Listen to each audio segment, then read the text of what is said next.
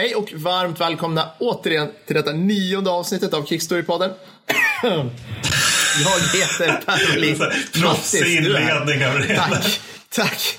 Ja, men alltså, jag tänker våra lyssnare har varit med om det mesta nu för tiden. Så ja, det, det, kan inte vara något problem. Mina ja. musklick har ju varit något av en snackis. Ja, tydligen. Och min knarrande stol. Så att nu ja. har ju vår fascistiska producent Fredrik tvingat mig att sätta mig på en hemsk pinnstol där min ja. stjärt gråter redan. Yes, Tack yes. så hemskt mycket. Mm. Vacker inre syn också, där med stjärt och gråter. Men ja, vad fan.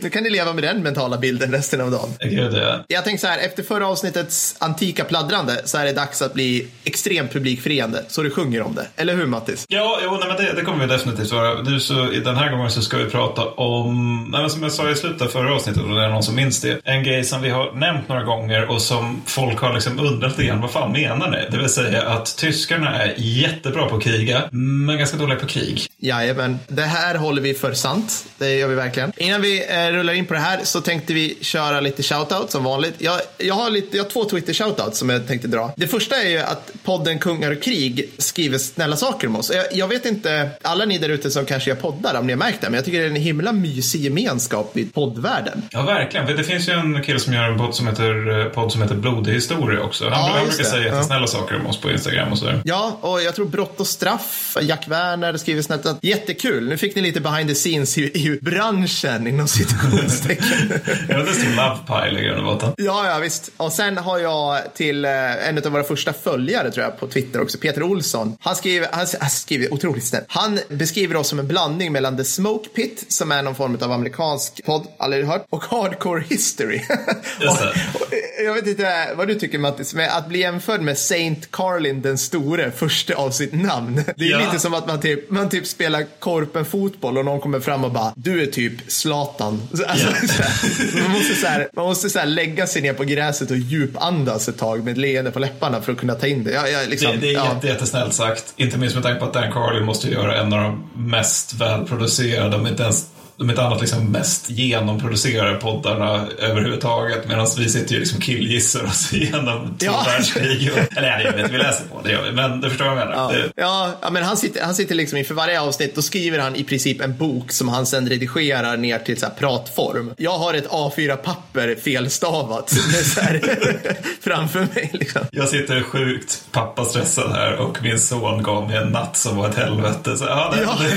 Det, Dan har inte det problemet. I it. Har du några, eh, något som du vill ta upp? Ja, jag har två personer som, jag på säga två killar, men jag är inte säker på om de är killar så jag tänker inte hålla på med det. Men det är två personer på iTunes för att eh, man kan ju gå in och rate oss. Så jag gärna det. Men inte man kan, man, man ska. Man bör, det är en pliktegenskap på svensk. Jajamän. Men det är i alla fall dels är Karate-Joli, jag, jag tror namnet är fingerat, som skriver bra tempo i snacket och intressanta ämnen som diskuteras. Rekommenderas. Tack för en bra podd. Mm, snällt ja, skrivet. Väldigt snällt. Och sen så är det The Smul som jag också antar att namnet är påhittat, som skriver en superduper mega fantastiskt bra podd. Rena julafton när nytt avsnitt kommer ut. kommer ut. Tumme upp. Det, det är ju också väldigt, väldigt snällt. Det är också entusiastisk recension. Det tycker jag är trevligt. Ja, kul. Ja, vi, vi måste, och någon gång så ska vi, i och med att du och jag blir helt paranoida när det gäller sådana här saker, så måste vi ta reda på vad de som ger oss typ så två stjärnor, vad de tycker. Mm. Ja, ja, Man kan ju inte släppa sånt. Man blir ju, vi är båda neurotiska när det gäller liksom, kritik, så att ja. vi måste ju få reda på det här nu. Liksom. Ja, men för en stjärna, det är ju förmodligen någon som har typ hört min sossehet eller din värmländska. Ja. Och känt liksom att min sossehet innebär liksom landsförrädare, värmländsk eh, innebär så här, typ så här rasfrämling ja. eller något så här hemskt. Eh, och då ger de en stjärna. Eh, men två stjärnor, då är det någon som faktiskt har tänkt igenom på ett helt ja, annat precis. sätt. Alltså det, det är någon, någon som verkligen har, har, de vet ju vad de pratar om. Ja, de, de har identifierat alla jävla faktafel vi gör till exempel. Ja. och snälla, snälla, snälla, kan ni gå in och skriva att det är bra ljud? För att Fredrik svettas mer och mer. Inför varje avsnitt så får jag och Matti striktare instruktioner hur vi ska bete oss och prata allting. Så att, snälla bara säg att det är bra ljud så att han kan slappna av och flytta och få barn och allting i lugn och ro. Tack, tack. Ja. Okej, okay. jag tänker så här Mattis, vi lägger upp avsnittet att vi bevisar, vi börjar med att be bevisa vår tes, alltså att tyskarna var bra på att kriga. Mm. Och sen förklarar vi, eller vi förklarar varför det var så. Är det, mm. det är väl pedagogiskt, uppsatsmässigt, vetenskapligt? Eller ja, vad, säger, vad, känner du? Ja, men det låter jättebra. Men vi börjar med det och sen så förklarar vi varför de lik förbannat för, förlorar två världskrig, till skillnad från Frankrike. så, så det, det, tycker jag låter bra. Men, men ja. uh, jag, tänker, uh, jag tänker faktiskt bara ta kommandot här och säga att jag börjar. För jag tänkte börja med, med alltså grejen är att vi kommer ju prata om framförallt de två världskrigen och uh, vi kommer lägga fokus på andra världskriget när det gäller exempel. Men de flesta grejerna som gör tyskarna duktiga på att slåss under de två världskrigen, de är liksom, det, det är ungefär samma grejer. Liksom. Alltså det, så, så att, givet att vi inte säger uttryckligen under andra världskriget eller 1943 eller något sånt där, så tänk att det här gäller i grund och botten för båda. Och innan vi sätter igång med det här och innan vi kastas ut i det här så kan vi lika gärna passa på att eh, bara göra ett litet förtydligande, en slags liten brasklapp. Det är att när vi säger att de är bra, då menar vi att de är bra på att slåss, de är bra på att strida. Det betyder inte och absolut inte att vi tycker att de stred för en god sak. Det är någonting helt annat. Eh, tvärtom så skulle vi nog snarare säga att eh, tyskarna under andra världskriget stred för den sämsta tänkbara saken. Men jag ja. tänkte att vi ska börja med någonting som är lite mer hipster än liksom sånt här som alla känner till, det vill säga typ Stalingrad och liknande. Utan ja, vi börjar med Rumänien 1916. Åh, oh,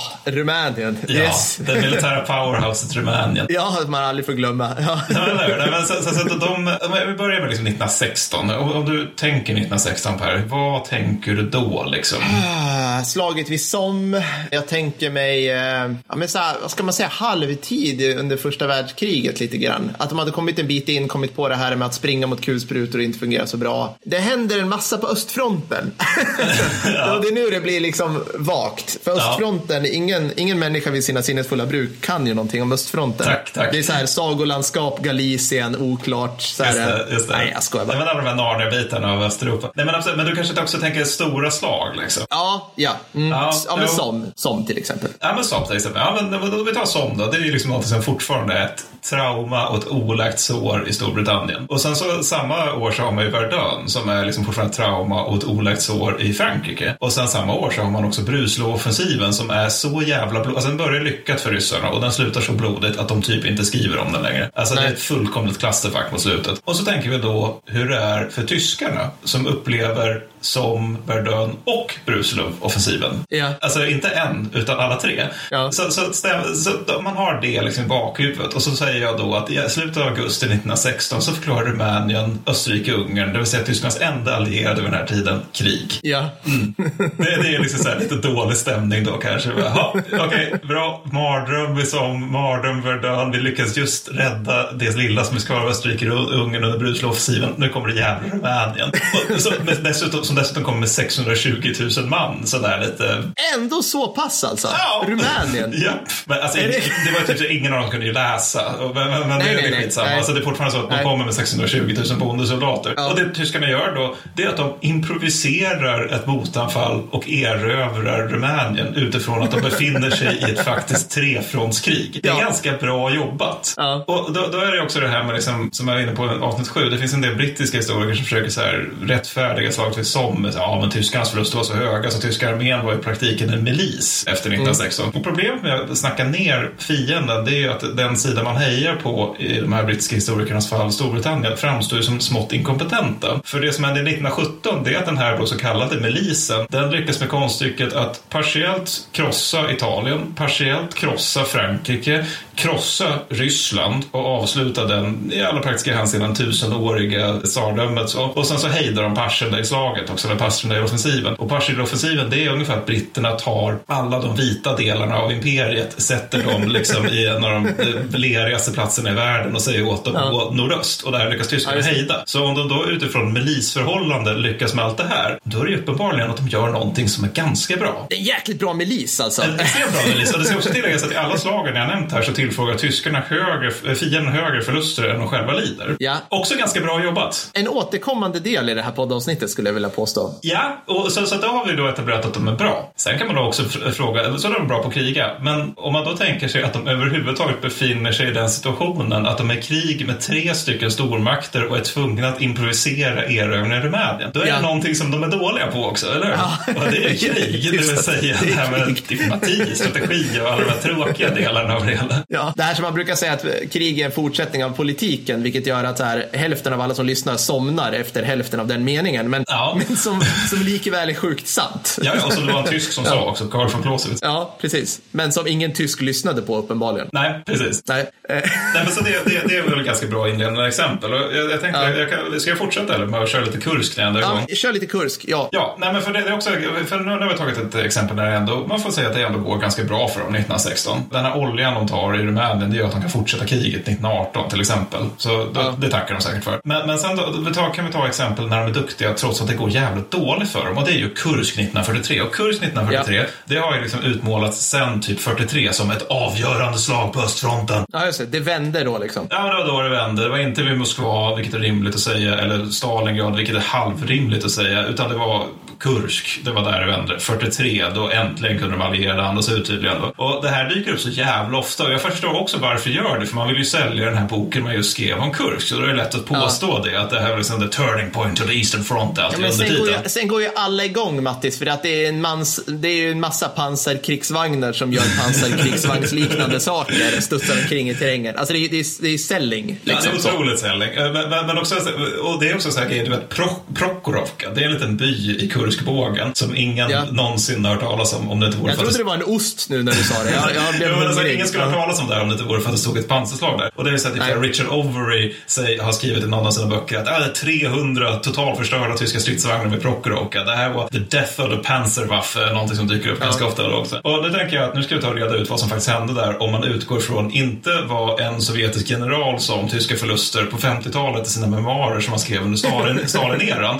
utan om vi utgår från vad du vet, tyska källor säger om tyska förluster. För då landar vi på ett förlopp som är ungefär så här. Det är att tyskarna fattar beslut om en offensiv i mars 1943. Det är efter Stalingrad och man känner att vi behöver ta tillbaka liksom lite strategiskt initiativ här. Vi måste göra någonting Ja. för ryssarna kommer. Sovjetunionen då fattar ju att det här kommer ske. För att om man tittar på östfronten vid den här tiden så är det liksom en båge, en utbuktning som går ut och där är en massa sovjetiska förband. Så det är liksom ganska uppenbart att tyskarna kommer att angripa där. Det är liksom, det är inga Ja. konstigheter. Vart annars ska de gå liksom? För att liksom klippa av den utbuktningen och ringa in och förinta de, de ryska förbanden. Ja, precis. Så de ska gå från nord och syd liksom. Vi lägger upp en karta över det här som vanligt. Det gör vi definitivt. Så de, de sovjetiska styr, så ryssarna har ju liksom rätt bra tid på sig här att bulla upp. Liksom. Så att de bullar Ja. upp ordentligt som de alltid gör, för de tror inte på halvmesyrer när det gäller- gäller Nej. numerär. Så här kommer siffrorna. Det vill säga...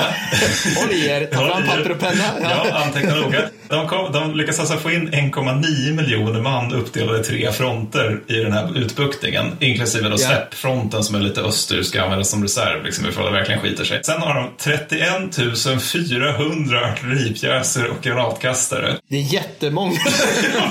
Vad har Sverige idag? Så en och en halv. Rikspjäsen har vi Ja. idag. En. Nej, jag skojar. Ja.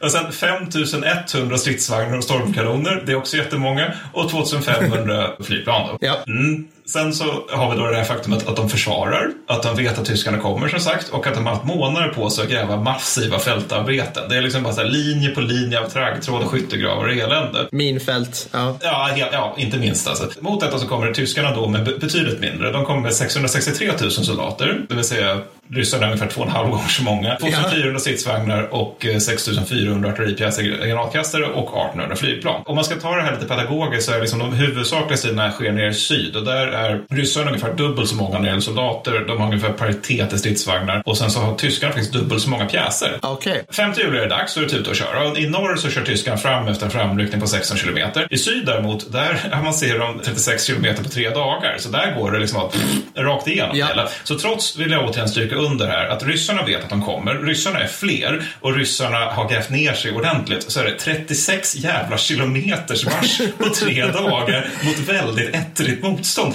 Det är ganska bra. Och sen då 12 juli så kommer de till Prokhorovka där nere i syd. Och då så gjorde jag så att jag helt enkelt frågade Anders Franksson som är den bok som, eh, som har skrivit en bok som heter Kursk, A Statistical Analysis om hur det gick till där då. Och han svarade, eh, alltså ang- angående antalet utslagna förluster, eller stridsvagnar, och då svarade han, räknar vi från 12 till 16 juli så hade fem, sovjetiska femte garde stridsvagnsarmé 334 totalförstörda stridsvagnar och stormkanoner. Sedan fanns Ja. det lite andra sovjetiska förband, pansarband i området också. Andra SS och 12 pansarkårerna hade tillsammans 25 totalförstörda stridsvagnar. Så 25 mot 334, slut citat. Det här är det som är pansarslaget i Prokhorovka. Det här är det som alltså ska vara the death of the Panzerwaffe. Det vill säga, de förlorar 25 dagar under fyra dagars strid. Eller för 25 vagnar under fyra dagars strid. Det är inte riktigt så som Richard Overy beskriver det. Sen så fortsätter de liksom att framrycka. Men, men orsaken till att de avbryter det är att ryssarna kommer med an, liksom, det, fronten utvecklas på ett elakartat ja. sätt i övrigt. Så då gör de halt och när man är färdig med liksom själva Kurskslaget så har tyskarna förlorat 280 stridsvagnar. Återigen, ja. Death of the Panzerwaffe. De hade, ska vi se här, bara så att jag sätter det här i någon form av sammanhang pedagogiskt. De hade 2400, så de förlorar alltså 10 procent av sin insatta styrkan. Ja, och vi ska väl säga att så här, det, du, det du sa i början är totalförstörda stridsvagnar är ju ungefär som att säga dödade, stupade i strid. Det ja, finns precis. många, många fler som är skadade. Säga, eller liksom, man, man, brukar prata om mission kill när det gäller en stridsvagn, att försätta den ur stridbart skick. Det kan betyda att så här, banden är pajade eller kanonen är, som inte kan kriga. Så, och det var väl, rätta mig fel, att det var det, det vanligaste under hela kriget. Att man ger sig i strid, man får en skadad stridsvagn eller på något vis som behöver ta sig tillbaka. Ja, men det är precis som det är när det gäller manskapsförluster. Det är, det är skador är betydligt vanligare ja. än, dödade, det vill säga totalförstörda. Det är så, exakt så, ja. Så man, så man kan de här, vad sa du, 335 totalförstörda mm. sovjetiska stridsvagnar, kan typ ja. fyrdubbla det och då har du liksom vad de faktiskt slog ja. ut. ja, men den gode Frank som beskrev det hela som att det var inte ett Death of the Panzerwaffe utan det var snarare liksom en skjutbana där papptavlorna sköt tillbaka från och till, fast med ganska dålig ja. effekt. Nej, men så för hela kurslaget då, så förlorar tyskarna 280 stridsvagnar och 56 000 man då, och nu ja. dödades tillfångatagna. Lag Ryssland, de förlorar 178 000 man och sex gånger så många stridsvagnar. Och det här är alltså återigen utifrån att i läget ryssarna vet att de kommer, ryssarna är förberedda, ja. tyskarna är färre. Ja. Så lyckas de ändå tillfoga fienden så här pass höga förluster. Det är någonting man gör jävligt rätt då i krigföringen, ja, man lyckas med det. Och, och, och liksom, alltså rätt mig fel, men jag för mig Kursk, det blev försenat. Ja. De, ville, de ville anfalla tidigare, men liksom Hitler bara, nej, vi måste få fram lite fler tyngre stridsvagnar. Så att ryssarna fick ännu mer, alltså överraskningsfördelen blev ännu mindre för tyskarna. Sen, fördel, sen gjorde tyskarna, de lydde inte sin egen doktrin om det var något politiskt beslut, så att de kraftsamlade inte sina tunga pansarbataljoner där de har de här katterna, liksom mm. panter och, och, tiger, utan de fördelade dem, liksom spred, spred ut dem. Så ska man inte göra.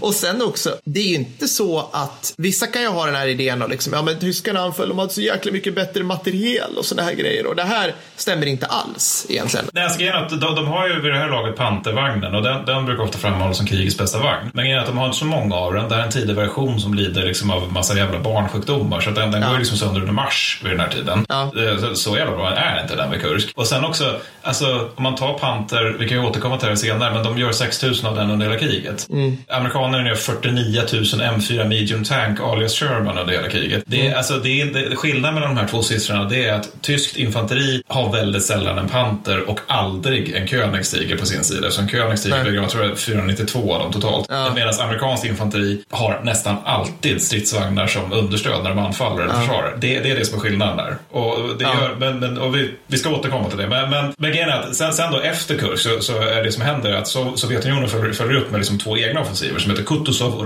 Rumantsev. Och det här är ju då, då naturligtvis att de angriper med överväldigande numerär överlägsenhet mot förband ja. som redan till stor del är uppbundna i strid vid Kurskbågen. Katastrofala sovjetiska förluster följer naturligtvis och en framryckning på 4 kilometer per dygn. Det här kan vi då jämföra med de, den snitthastighet som tyskarna framrycker på när de anfaller, det vill säga 12 kilometer per dygn. Ja. Återigen utifrån förutsättningarna. Vi anfaller förband som redan är uppbundna i strid till stor del och vi är fler.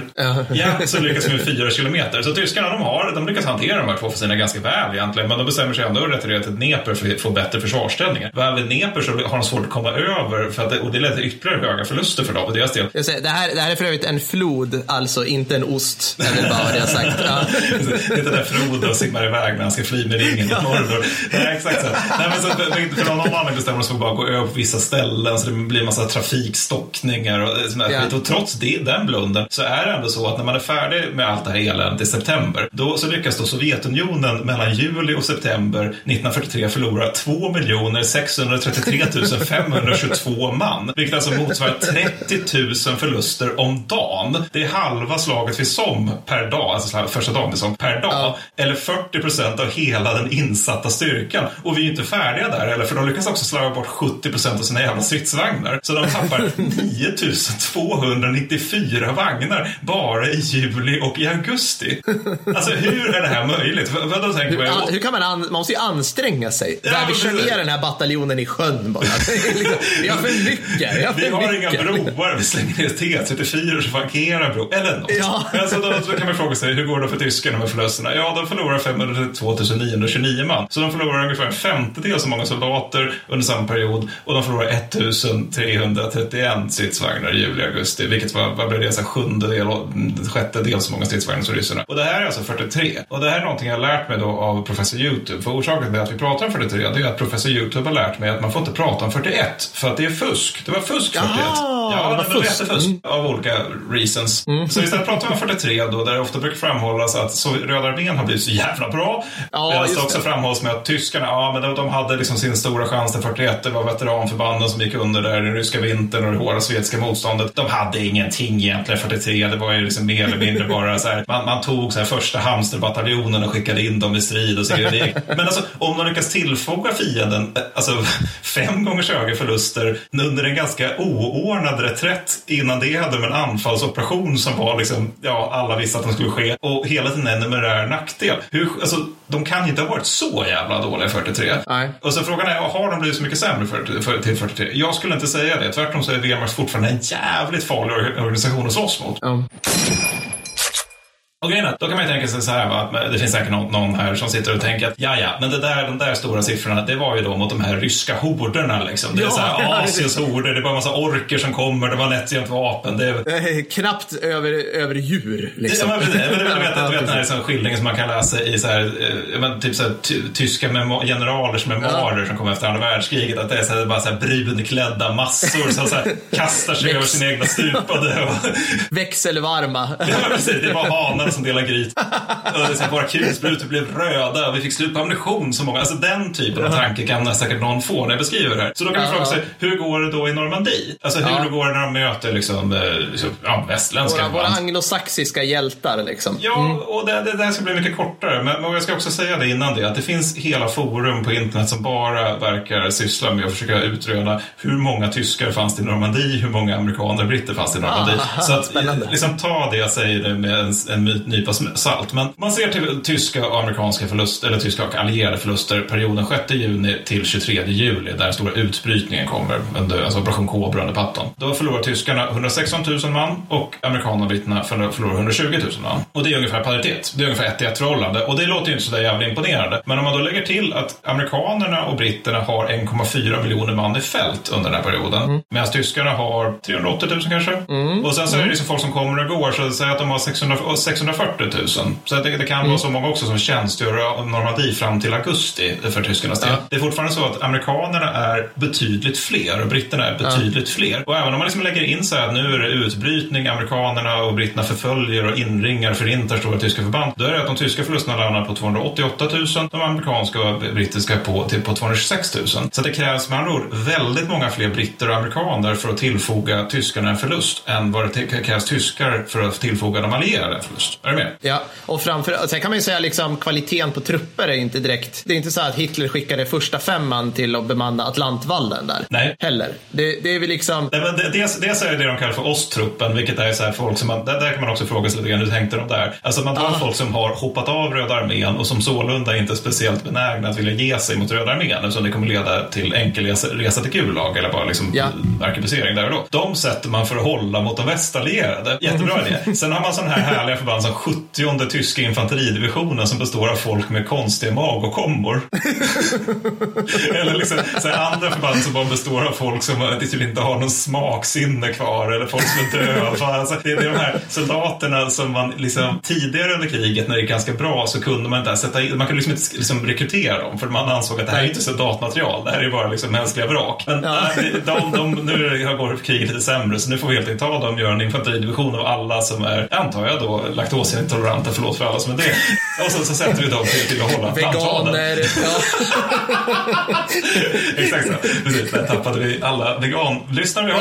Men ja, de får hålla Atlantvallen. Och, och det, det, förlusterna säger en del om det också. För att det, det är alltså upp till 198 000 man som rapporterar de saknade bland tyskarna av de här 288 000 som de förlorar. Och det är ju till väldigt, väldigt stor del folk som, som bara ger sig. Liksom. Och det är väl nog till ganska stor del just de här då som är halta och lytta eller som känner åh vad skönt, vi blir inte fångade av Röda armén, vi blir fångade av amerikanerna, jag får sitta ja. i Utah i ett krigsfångläger, det är nog att föredra. Precis, jag får glass och Coca-Cola typ. Liksom. Men, eh, bara en poäng för att, för att liksom visa, för att visa hur sinnessjukt ab absurt just den situationen är när det gäller folk som tar från Röda armén och in i Wehrmacht. Så, så tänker jag dra den här om den här syd, stackars koreanen. Ja, alltså, det, här, det här är någonting, nu kära lyssnare kan du ta med, det här kan du säga på puben nästa gång med dina polare. Och det är alltså så att när amerikanerna gick i land i Normandie så, så tog de till fånga en man med tydligt asiatiskt utseende som inte pratade någon tyska, ingen ryska, ingen engelska eller någonting, men något så här konstigt språk. Så de till slut kommer fram till att det här är koreanska. Vad gör du här? I tysk uniform. Då visade det sig att han hade då ja, skött sig själv i typ Seoul antar jag. Eh, någon gång, och sen någon gång så här 36 när japanerna får för sig att nej men vi behöver få hit lite fler soldater och tvångsvärvades han in i kejserliga japanska armén. Sattes in mot Sovjetunionen i Manchuriet, tillfångatogs av Röda armén. Sen invaderade Nazityskland där 41 så han skickades över hela Ryssland. Nota bene, det här är alltså någon form av bonde från Sydkorea. Han hade aldrig ens hört talas om ryssar. ja, ja, precis. Så han sitter nu på ett boskapståg från Sibirien till, liksom, till Moskva, lastas av där, går i strid mot tyskarna, vilket jag antar för honom är typ drakar och enhörningar. Tillfångatas av dem sitter i ett fångläger där och de bara, mm, truppen, du, vi förstår inte vad du är för någonting. men, men du har överlevt så här länge så vi skickar dig till Atlantvallen. Det, oh, det roliga, han kom aldrig hem igen. Han bara, nej jag orkar inte. Jag, jag slår mig ner i USA. alltså, två, två reflektioner. Det ena är att det, det är ju sådana där berättelser som får en att inse att andra världskriget verkligen var ett världskrig. Här har ja, vi liksom korean som får göra världsomsegling via krigsfångenskap. Och det andra är ju, han måste ju varit en av de, antingen liksom mest tursamma eller otursamma eller sämsta soldater i världshistorien. Liksom, han, ja. jag, alltså, jag skulle väl också gett mig, det är inte så, men, men just det här, att det är så, vad är han känd för? Han kapitulerade en jävla massa. Det finns ju andra ja, som är kända för att de fick så här, två Medal of Honors. ja, det är så jäkla bra. Ja, men, alltså, men poängen med allt det här sifferrabblandet är helt enkelt att alltså, oavsett om det gäller amerikaner, eller britter eller ryssar så är det att tyskarna gör någonting som är jävligt rätt när det gäller just det här med att tillfoga fienden förluster. Alltså yeah. konsekvent tillfogar antingen fienden högre förluster eller tillfogar fienden högre förluster i relativa tal. Det vill säga att det krävs färre tyskar för att tillfoga fler förluster på fienden. Så de gör någonting som är rätt helt enkelt under båda världskrigen. Så är det. Känner du igen det här? Du sitter för 71 gången fast i ett stillastående tåg och svär över SJ för att de återigen inte har kunnat räkna ut att det skulle komma typ löv på spåren eller liknande. Nu är det slut med det för dig kära lyssnare. Jag har en lösning precis för dig. För bara ynka 7 miljoner tyska riksmark, 1941 års värde, kan du bli ägare till din alldeles egna tunga Gustav. Den tyngsta tågmonterade artilleripjäs som någonsin konstruerats. Med en vikt på 1350 ton och en kaliber på 80 centimeter spelar liksom ingen roll hur många pendeltåg som ligger före dig eller om det är obehöriga på spåren. Alla kommer flytta på sig. Och den duger inte bara utmärkt för pendling. För med sitt skjutavstånd på 4,7 mil och sina granater som väger över 4,8 ton är den även perfekt för att skjuta bort irriterande sovjetiska befästningar med. Du är nöjd med din va, Mattis? Jajamän. Härligt. Ja, du hör. Slå till nu jag tänkte så här, nu ska vi förklara varför det blev så här. Ja. Mattis, vad är en generalstab för någonting? Generalstab är något som tyskarna uppfann 1806 och de var först ut med det. Det är ett gäng sura farbröder som sitter när det är fred och bara planerar för krig och gör upp planer för hur man ska bedriva krig på bästa sätt. I USA så har den amerikanska generalstaben bland annat kollat vad ska vi göra för att möta en zombieinvasion. och, och det, det, är ju nu inte för att de, de, de, är dumma utan det är för att de tog det som ett bra exempel på så här, total samhällskollaps där allting bara är anarki och brinner. Ja. Och det här är en bra sak att ha i krig. Så man kan säga så här, tyskarna hade lite försprång när väl första och andra bröt ut helt enkelt. Ja, men så här, alltså man, innan man uppfann generalstaber så var det mer så här liksom att kungen sitter här med sina fyllekompisar och pekar bestämt på kartan med pipskaftet och säger det där kan vi ta. Ja. Och sen så helt plötsligt är Karl X Gustav i Polen. Det var ungefär det som var plan förr i tiden. Medan generalstaben var mer så här, när kommer järnvägsaxlarna gå över en viss bro i Belgien? Mm. Det är det som en generalstab gör och det var det som den tyska generalstaben gjorde inför invasionen av Belgien 1914. Det vill säga, när kommer viss axel gå över viss bro? Det är liksom den nivån man planerade den lilla, mm. lilla fälttåget. Försök göra det i Hearts of Irony, liksom sitta och detaljplanera. Alltså man, ja, och det här kommer ju då, man hade generalstaben som var, ska man säga, huvuden och axlar mer kompetent än, än motsvarande, i varje fall vid det här laget. Och i och med att tyskarna i varje fall initierade andra världskriget så låg de lite på förhand just där. Mm. Sen skulle jag vilja säga liksom att vi måste ju kolla, liksom, på, jag tror vi kan börja på lägsta nivå här liksom också. För att kriget utkämpas ju av soldater, så, och framförallt skyttesoldater. Hur såg då den tyska skyttegruppen ut? Ja, den bestod lite kort av ungefär 10-9 man. 10 i början av kriget, sen gick de ner till 9. Var den jätteannorlunda än andra jämförbara nationer? Ja, inte speciellt. Alla bestod av ungefär den, det antalet soldater. Men sen när man läser om hur tyska soldater togs ut, alltså valdes ut till vilken tjänst och hur de utbildades, då undrar man så här, hur kunde de inte vinna kriget? För att det, är liksom,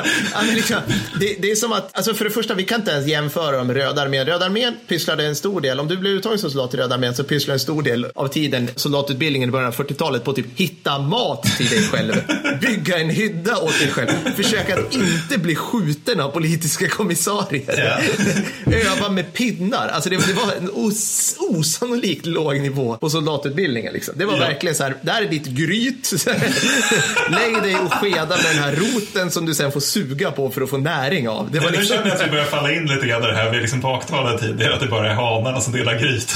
ja, men, ja, men liksom, det var så här, så man kan säga så här att redan på 30-talet och tidigare så, så, så uppmanades officerare i Wehrmacht att ja, men, umgås med era soldater, lär känna, lär, ni ska lära känna deras styrkor och svagheter. Ni ska, ja, ni ska skapa en, en trygg känsla så att de ska kunna agera bra i strid. Om du som lyssnar på det här tycker så här, ja, det är väl självklart. Är det inte alla så här, då är du en, då är du en fredsskadad svensk som inte kan någonting om så. Jag kan säga så här, idag 2020 fortfarande så råder det sådär en järnridå mellan liksom gruppchefer i brittiska armén och dess soldater. Alltså det är liksom underofficersmässar där liksom korporalen får gå in, men inte vicekorporalen. Nej, nej, nej. Vi inte börjat prata om de här liksom Sanders-utbildade kaptenerna, de här liksom oh, känsliga, skulle... förfinade gentlemännen värld, de som ska leda, leda kompaniet. Alltså de skulle aldrig ens närma sig sina soldater. De ska inte alltså, befatta herregud... sig med de här sluskarna som är längst ner. Nej, nej, och det, så, så, att, så att fortfarande idag så är är det ovanligt i många försvarsmakter att ha den här äh, gemytligheten. Medan tyskarna odlade den. Alltså det, det, var på riktigt så att de kunde kalla sina sergeanter för moder och kalla sitt kompani för familjen. Och det här, det här grundade sig på att tyskarna hade, deras armé var indelad på regional basis, vilket gjorde att man, man utbildades, umgicks med och sattes in med människor som talade samma dialekt, som man kände igen. Det blev otroligt starka primärgrupper som man kallade det. Och när man väl då ryckte in till fronten, då, då färdades man om grupper om minst tusen pers med sina polare i kolonn. Alltså i liksom, om du tycker det här låter konstigt, då skulle jag vilja be dig titta på typ så här Vietnamkriget, Korea. Alltså,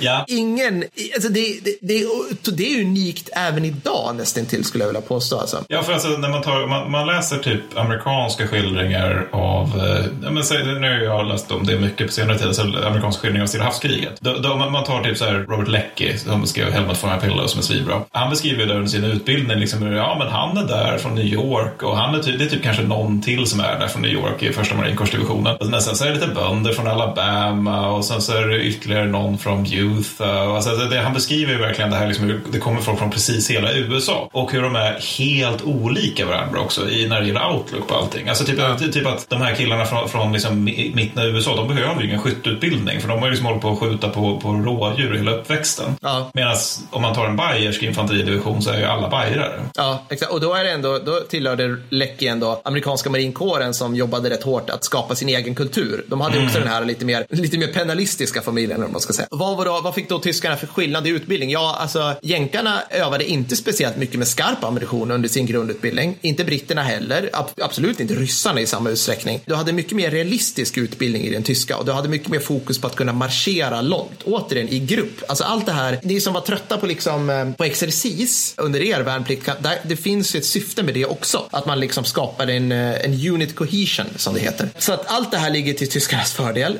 Samt att de hade, det här ligger inte riktigt på gruppnivå, men man kan säga att innan kriget började, då, då tänkte sig alla då alltså att okej, okay, men hur ska skyttegruppen, hur ska skyttegruppen vinna mot andra skyttegrupper? Vad är det viktigaste i skyttegruppen? Och alla kom till lite olika idéer. Jänkarna tänkte så här att ja, nej men vi tänker oss den, vi tänker oss skyttegruppen som en slags patrull nästan. Och att det är lite grann som en blandning av så John Wayne, västenrullar, det är liksom, det är jag och mina vapendragare med våra liksom Colt repeatergevär som kommer ta sig an genom liksom lite hjältemod och sådär. Ta sig an och, och besegra fienden. Så att där tänkte man att gevär, det är det viktigaste som, som skyttegruppen har.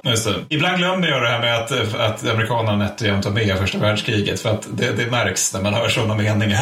Alltså det är så verklighetsfrånvänt. Liksom, idag känns det att det är helt sjukt. Men jänkarna liksom, nej men, nej, men nej, vi, ska, vi ska mest ha gevär. Ja men ni måste ha någon form av kulspruta. Någonting som ger iväg lite mer bly. Ja, oh, måste vi? Ja, ja men okej okay då. Vi tillverkar det här supertunga automatgeväret med 20 skotts magasin. alltså varför var det 20 skotts på bar? Jag fattar inte. Alltså, det, det, det, är så dumt. Det, det är liksom, ja. Ja, äh. Den väger typ 30 kilo. Alltså den är skittung. Det är ja, liksom det, det, värdelöst. Men det är återigen, det ska vara liksom, det ska vara kriget, alltså skyttegruppen strids vinns genom riktad gevärseld. Liksom. Det var det man siktade på. Så man låg liksom och sköt prick mycket. Så här, aha, ja, visst. Tys tyskarna bara, nej, kulsprutor. Mm. Men någonting annat än kulsprutor? Nej, nej, nej, nej, kulsprutor. Okej, okay, men då tänker ni ändå att kulsprutan är här och sen går gruppchefen, nej, nej, nej, nej, gruppchefen är med kulsprutan hela tiden. Så syftet, syftet med kulspruta, men vad med kulspruta? på riktigt, det är så här var hela deras outlook. Så att allting byggdes runt att den här fullkomligt överlägsna MG34 slash MG42 skulle vinna det initiala eldöppnandet med en vägg av bly i fiendens generella riktning. Det där också, kan, kan ni tillägga det, det där är också en delanledning till att de upprätthåller ett väldigt högt stridsvärde. Även alltså så sent som så här våren 45, att det kan vara ganska marigt att möta tyska förband även på västfronten då. För de, de såg alltid till att skytten i gruppen är antingen veteran ja. eller väldigt välmotiverad. Så att du har alltid liksom den som har gruppens, alltså det, det vapen som gruppen är byggd kring. Det är alltid någon som är duktig som, som har det vapnet, ifall det går. Ja, precis. Och det, han skulle vara, han var ju då inte, de hade gruppchef, Steff-gruppchef och sen hade de KSB-skytten. Han var trea i hela gruppen och skulle vara som du säger, den bästa soldaten. Han hade inte en utan två liksom eh, KSB-ladd, eller vad man ska säga. Och alla i gruppen bar oftast lite band, helt enkelt. Ja, det är därför man ser dem ofta på fotografier hur de har band kring halsen. Det är inte för att det ser coolt ut, utan det är för att det, det är bra att ha. Liksom. Ja, alltså din, din, din, liksom, din Mauser, det är ju liksom en snuttefilt. Ja. kan ju du ja, men, ha med dig den då, det är väl trevligt liksom. Men, men kriget, alltså striden, tyvärr, eller tyvärr för tyskarnas del, så avgjordes inte kriget med MG42, men striden avgjordes för tusan med den här kulsprutan. Och jag menar, mot sig hade de, jag har inte hittat någon, men jag har sett att liksom tyskarna, de hade ju sådana här hjuldragna Maxim-kulsprutor. Ja, ryssarna hade det, ja. ja, ryssarna, ja förlåt. Och eh, britterna hade Bren Guns, vilket är också så här äh, magasinsmatade kulsprutor. Bättre än bar, men fortfarande magasinsmatad. Ja, så, så ryssarna har ju någon lätt variant också. Men jag vet inte, Kjär eller något sånt där. Men man sätter liksom som en, ja. det ser ut som en pizza som man sätter på, på ja, den som magasin precis. ungefär. Men också det, det är en symaskin har det beskrivits som. Ja, precis. Så det, det, här var, en, det här var stridsvinnande. Vi, vi, har ju pratat om det förut, eller jag skulle kunna säga det hur många gånger som helst. Men just bandmatade medeltunga kulsprutor vinner ofta striden. för du kommer till skott först. Gruppchefens största roll då var ju att se till att den här äh, kulsprutan skulle ja, i tid och plats reglera elden. Sen hade du en, kanske typ en manöversektion om du kände så här, nej men vi skulle kunna ta terräng här då för att anfall var ju då oftast det bästa. Då, då kunde du skicka iväg dina fyra stycken skytsen där med sina Kar 98. Då tänker man, ja men det var väl inte så jävla bra. Jo, det var bra för att de hade typ, de var klädda i handgranater ungefär. Det ja. var ju liksom det man insåg var steg två. Det var att komma så nära att du kunde kasta handgranater på dem. Inte, be, inte bekämpa dem med din gevärseld. Återigen, första världskrigserfarenheter. Ja, frukt och det gick skit bra. Det här gick fruktansvärt bra. Till det här ska man också säga att officerarnas utbildning var Alltså i USA, återigen, jag kan, när man läser om det, man kan inte förstå hur de kunde vinna. USAs sätt att ta ut officerare och manskap att titta på så här, utbildning, eh, utbildning och inlärningsförmåga. De som var bäst på det, de gick till flottan och flyget alternativt administrativa tjänster. Så att liksom bottenskrapet, alltså begåvningsreserven, skickades till skyttet. De som skulle på något vis avgöra striden. Vilket gjorde liksom att amerikanska soldater i armén var så här fem centimeter kortare och 11 kilo lättare än sina kollegor i flyget och flottan. Och det här är ju samma sak med deras officerare. Liksom. Och det där förklarar ju också eventuellt varför amerikanerna också var sanslöst bra på logistik under andra världskriget. Ja. Alltså helt ja, ja. otroliga. Vi ska ha något avsnitt om det som bara handlar om liksom så logistik i Stilla havet, för det är något av det sjukaste jag läser. Ja, men nu, nu, nu har vi glassfabriker här på Bougainville, för vi har täckt alla andra behov. Men, men, också då kanske en förklaring till varför, varför övningar att det, det ofta var lite styltigt. Ja, skulle man kunna säga. Eller som bara säga omvänt, det är ju också en förklaring till varför tyskarnas arméförband är väldigt bra på strid, men däremot logistiken, som vi kommer återkomma till, kanske lämnar en del att önska. Eh, ja, men precis. Det här är ju liksom hela grejen. Så man, man har ju vänt på det helt, nästan 180 grader. Så tyskarnas sammansättning och där, och det gjorde ju så att de bästa officerarna de ville in i infanteriet, eller pansartrupperna i Tyskland.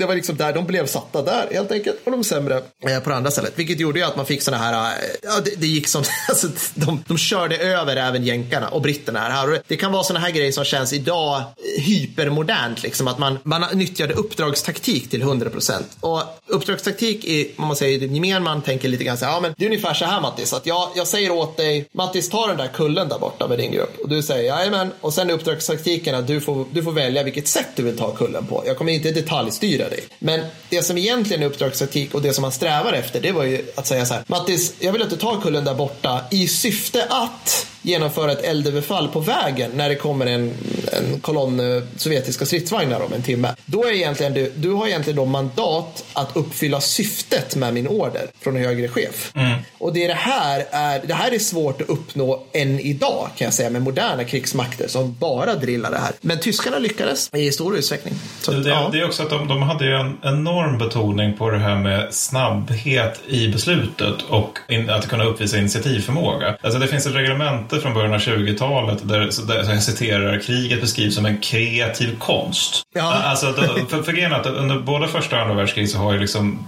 de allierade inställningen att krig är kaos, det ska vi försöka tygla och genom att göra väldigt komplicerade planer och göra väldigt komplicerade order där liksom så här, angrip där, ta den kullen vid det tidslaget, efter 20 minuters vila, fortsätt och så vidare. Medan tyskarna är som du säger liksom mer det här bara, ja men framåt. Och sen så ja, lö lös uppgiften, det här är ramen liksom, ja. så, som, som du, du har att jobba med. Så det är liksom att högre chefer ger framförallt riktning snarare än detaljerade planer. Och sen får man lösa det hela på lägre nivå och det är alltid bättre. Det finns ett ganska firat exempel från Nordafrika när britterna lyckas kapsla in Rommel i en ficka. Och sen så bestämmer de sig för att ta liksom, här, någon dag på sig och lura ut hur de ska krossa Rommel. Sen nöjda ja. med den perfekta planen kommer tillbaka till slagfältet och vid det laget så har ju Rommel brutit sig ut och krossat en brittisk brigad på vägen att han agerar. Alltså att det är hela tiden det här, det här liksom fokuset på just aktion, att göra någonting snabbt. För att man hela tiden vill bryta sig in i, ja, men som du brukar säga, alltså fiendens beslutscykel. Alltså få ja, fienden att hela tiden liksom agera på ens förrförra drag genom att hela tiden vara snabb och slå, slå, slå hela tiden. Alla ska alltid vara i rörelse. Liksom. Ja, ja, exakt. ja, nej, men, men också den här stora betoningen på att man, man menar på att lägre nivåer, alltså att de, upp, upp, de uppmuntras att kunna ändra i uppdraget de har fått, alltså om det finns frontnära skäl att göra det. För att man inser att den som är närmast fronten vet förmodligen hur det är där, snarare än jag som gav ordern som sitter på en stabs, stabsplats långt borta från fronten. Liksom. Ja, precis. Och det här tycker jag är intressant om man ser liksom att nu har vi pratat om kanske lägsta nivå upp till bataljon liknande. Sen, sen blir det, och det här kan ni också läsa i så här, tyska soldatmemoarer, liksom Otokarius med tigern på slagfältet, att ju högre upp man kommer, desto mera så politiska tillsättningar blir det, desto mera inkompetens smyger in. För det finns inte plats för den här inkompetensen lägre ner. Då blir man utrangerad. Så att han stöter på liksom, ja men vissa överstar, de är, de är i princip Manstein fast på lägre nivå. De är, de är briljanta i både anfall och försvar och fantastiska ledare av män och du vet, inspirerar och kamratskap och allting. Och vissa andra är så här, ja men någon i princip så här korpulent krigsförbrytarkommendant för någon by i, i liksom västra Ryssland. Och så går det lite dåligt för tyskarna och så kommer någon general och säger så du där, du är chef för den här stridsgruppen och de bara, va? Jag, hur ska jag få med mig mina älskarinnor om ditt vinförråd? Äh, jag, vet inte, håll linjen, hej då, typ liksom. Förmodligen österrikare. Ja, förmodligen alltid Österrike. Så, så, att det där liksom rullar på, kan man säga. Och det där tycker jag ser man, det där ser man genom hela liksom. Men just kamratskapet verkar ju fungera sinnessjukt bra, vilket gör också, och det, jag kan inte tifta men jag tror de har de har, de har lägre deserteringar än liksom jämförbara arméer under jämförbara förhållanden. Kan det stämma Mattis? Uh, alltså på östfronten var de väldigt obenägna på att kapitulera. Och det, det har ju en ganska enkel förklaring och det var ju att de, de bedrev förintelsekrig på östfronten så Röda armén hade mycket att hämnas. Men sen det är klart också, alltså, det här med att man inte vill ge upp kamraterna, det, det ligger väl mycket i det. Jag tror, jag tror det där beror väldigt mycket på förbanden om jag ska vara ärlig. För att alltså, i väst som sagt så förlorade de 198 000 man i saknade. Men å andra sidan, det är som sagt då att du tillhör liksom oststruppen som liksom här, du är född någonstans i mitten av Kurdistan. Och nu, ja. nu, eller inte Kurdistan, det är i Ingusjien. Och nu, nu, så ska du sättas in för att hålla Atlantvallen. Du är väl liksom inte så benägen att slåss då. Men däremot, Nej. man tänker sig liksom här har vi bayerska andra divisionen. De går ut med sin by mer eller mindre för att slåss tillsammans mot fienden. Liksom, ja, nej, visst, det är väl fullt möjligt att de är mindre benägna att desertera. Mm. Just det som man ja. har liksom den här bygemenskapen i fält i alla praktiska hänseenden. Ja, exakt. Varför var de dåliga på krig då? ja, ja, för, nu lämnar vi tyvärr bandmatade kulsprutor tror jag. Jag är för, ledsen Får jag bara ta upp ja. två saker till som är ganska intressanta ja. när det gäller det här med effektiviteten. För det, det, alltså, det, det ena är en sak som man sällan tar upp, men, men den är rätt viktig. Och det är, man säger ibland liksom att okay, men de tar så pass höga förluster på östfronten att den här typen av gruppkohesion och så vidare borde ha slagits sönder. Och den typen av resonemang utgår ofta från, från så här glädjekalkyler av de tyska förlusterna snarare än tyska tysk dokumentation av de tyska förlusterna. Men om, även om man säger då att hel, allt skytte alltid dog på östfronten så finns det några som överlever. Det är artilleristerna. Aha, de överlever i mycket högre grad än skyttesoldater och eh, frontofficerare. Och vad är det som tillfogar fienden höga förluster under de två, först, de två världskrigen? Artilleri? Ja, alltså en delanledning till att Omaha Beach blir så jävla blodigt, alltså mycket mer blodigt än de andra stränderna, det är att det finns en tysk division, den 352, som är liksom förlagda alldeles i närheten. Och den, den är en så kallad torsodivision där skyttet är armarna och de finns inte längre. Men torson, det vill säga stab, tross och artilleri, finns fortfarande. Och de här östfrontsveteranerna, typ på kul, bestämdes på att bara skjuta in sina pjäser mot det som blev Omaha Beach innan amerikanerna kom. Så när amerikanerna väl kom, då är det folk som verkligen vet vad de gör med sina pjäser som bara börjar ösa ner elände över stränderna. Men, men sen en annan sak när det gäller det här med att vi pratar om att tyskarna är bättre. Det, alltså det vi menar är ju i praktiken att de är effektivare. Ja. Och alltså att de får ut mer per soldat. Och det, det finns, det, det finns så här oerhört, alltså om ni tycker att jag håller på att bråka mycket med, med, med siffror, då, då, då, ni ska ta och besöka Dupuy-institutet då, för det, det är folk som håller på med siffror. De håller på med enormt komplicerade uträkningar bara för att räkna ut stridseffektivitet. Och de har efter åratal av studier kommit fram till att tyskarna var eh, 50% mer effektivare än västallierade soldater.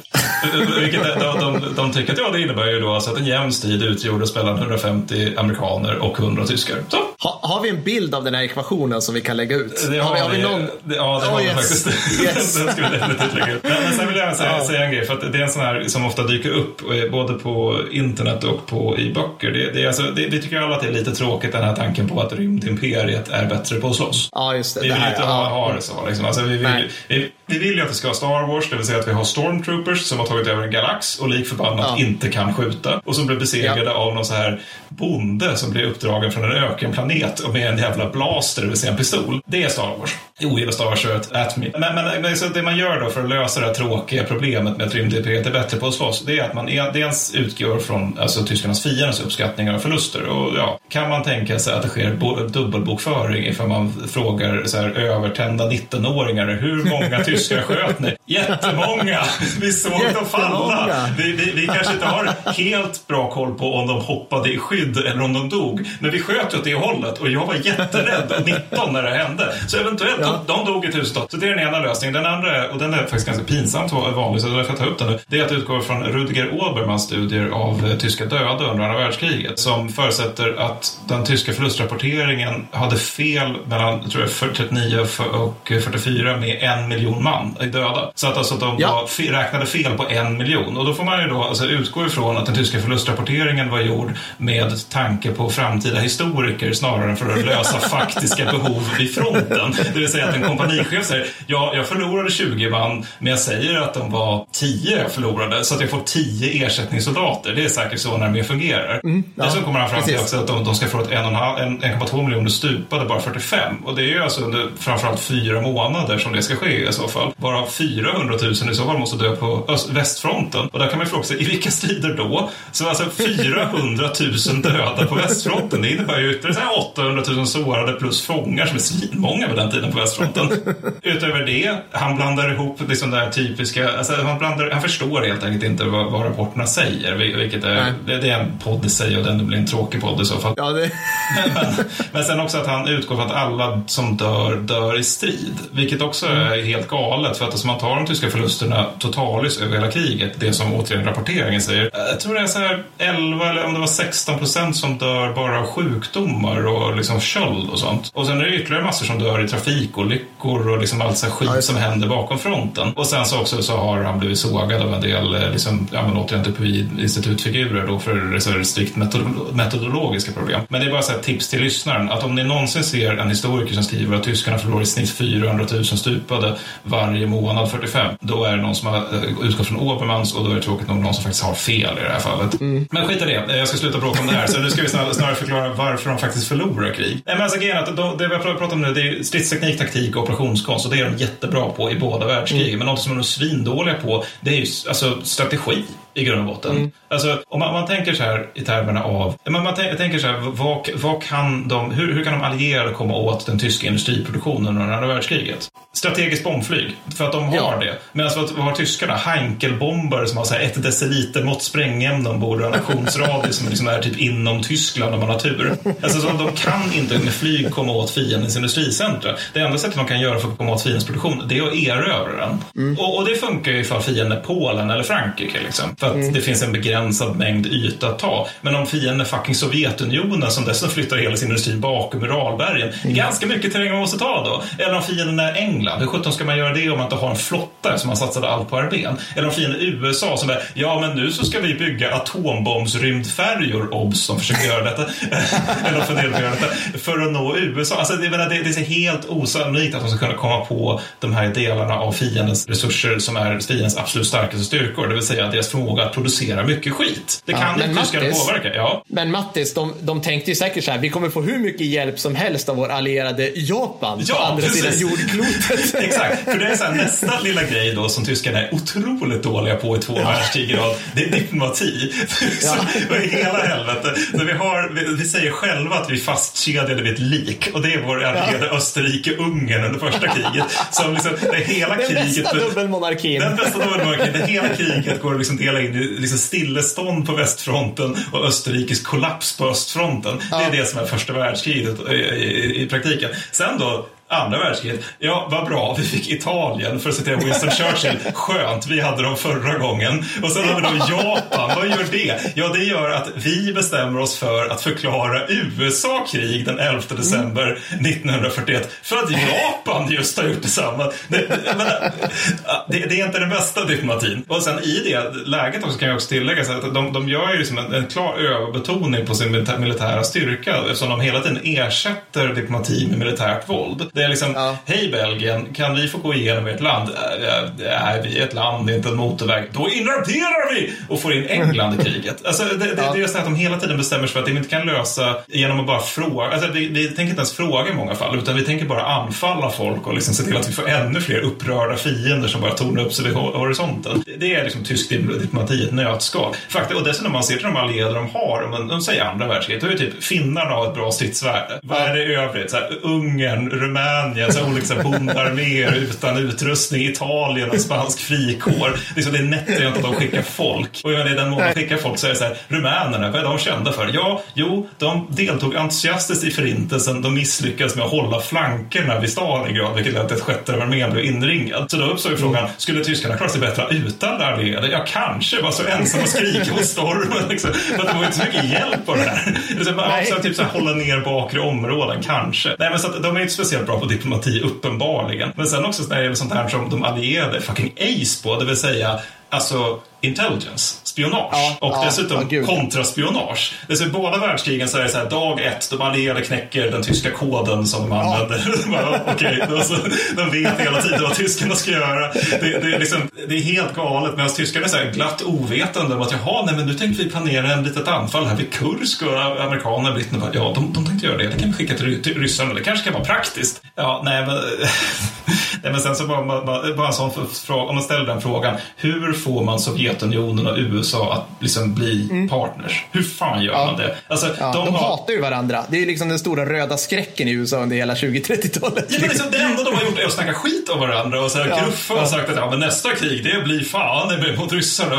Okej. Sen kommer Hitler och bara hej, jag tänkte utmana den tesen genom att ge er en gemensam fiende bara på kul. Och sen då om man tänker i termerna då liksom, just när det gäller USA, för det, det är där jag börjar alltid luta åt att det är där de verkligen liksom helt kollapsar. Alltså att, Mm. Visst, de kan kanske slå Storbritannien genom att helt enkelt låta Storbritannien tröttna. Alltså att ingen deras sida kan verka mot den andra speciellt mycket. Så man kan tänka sig att det blir någon form av fred efter mycket om. Och ryssarna, ja återigen, alltså 43 så är de ryska förlusterna, jag tror är fem gånger så höga som de tyska på östfronten. Och de saknar lastbilar som jag pratade om i tidigare eh, avsnitt. De saknar också kemikalier som är helt avgörande för att göra sprängämnen och, och, och krut. Så att alltså ryssarna är väldigt beroende av att få hjälp av amerikanerna. Så att alltså amerikanerna behövs för att ryssarna ska börja vinna kriget snarare än att undvika att förlora kriget om du får, förstår vad jag menar. Men just den här kombinationen USA, Storbritannien och Sovjetunionen, nej det går inte. Det är helt jävla omöjligt. Alltså det, det går absolut inte.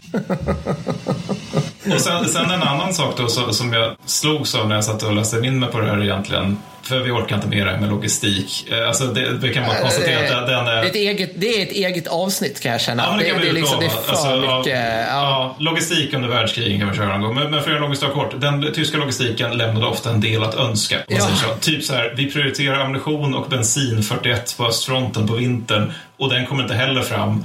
Men vi skiter i vintermaterial. Ja, men det blir nog Ja. bra i 40 minusgrader. Men, men, alltså, Ja.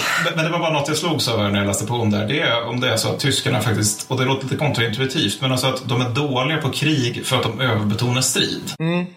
För det är något vi har pratat mycket nu om, att, att de är duktiga på Mm. strid, de är duktiga på att tillfoga förluster. Och ja, det är skitbra att kunna tillfoga förluster. Det är jätteimponerande rent militärt, och inte moraliskt. Det är jätte, jätteimponerande rent militärt att kunna tillfoga alltså, USA och britterna ett till ett för, förluster trots att man är numerärt underläge.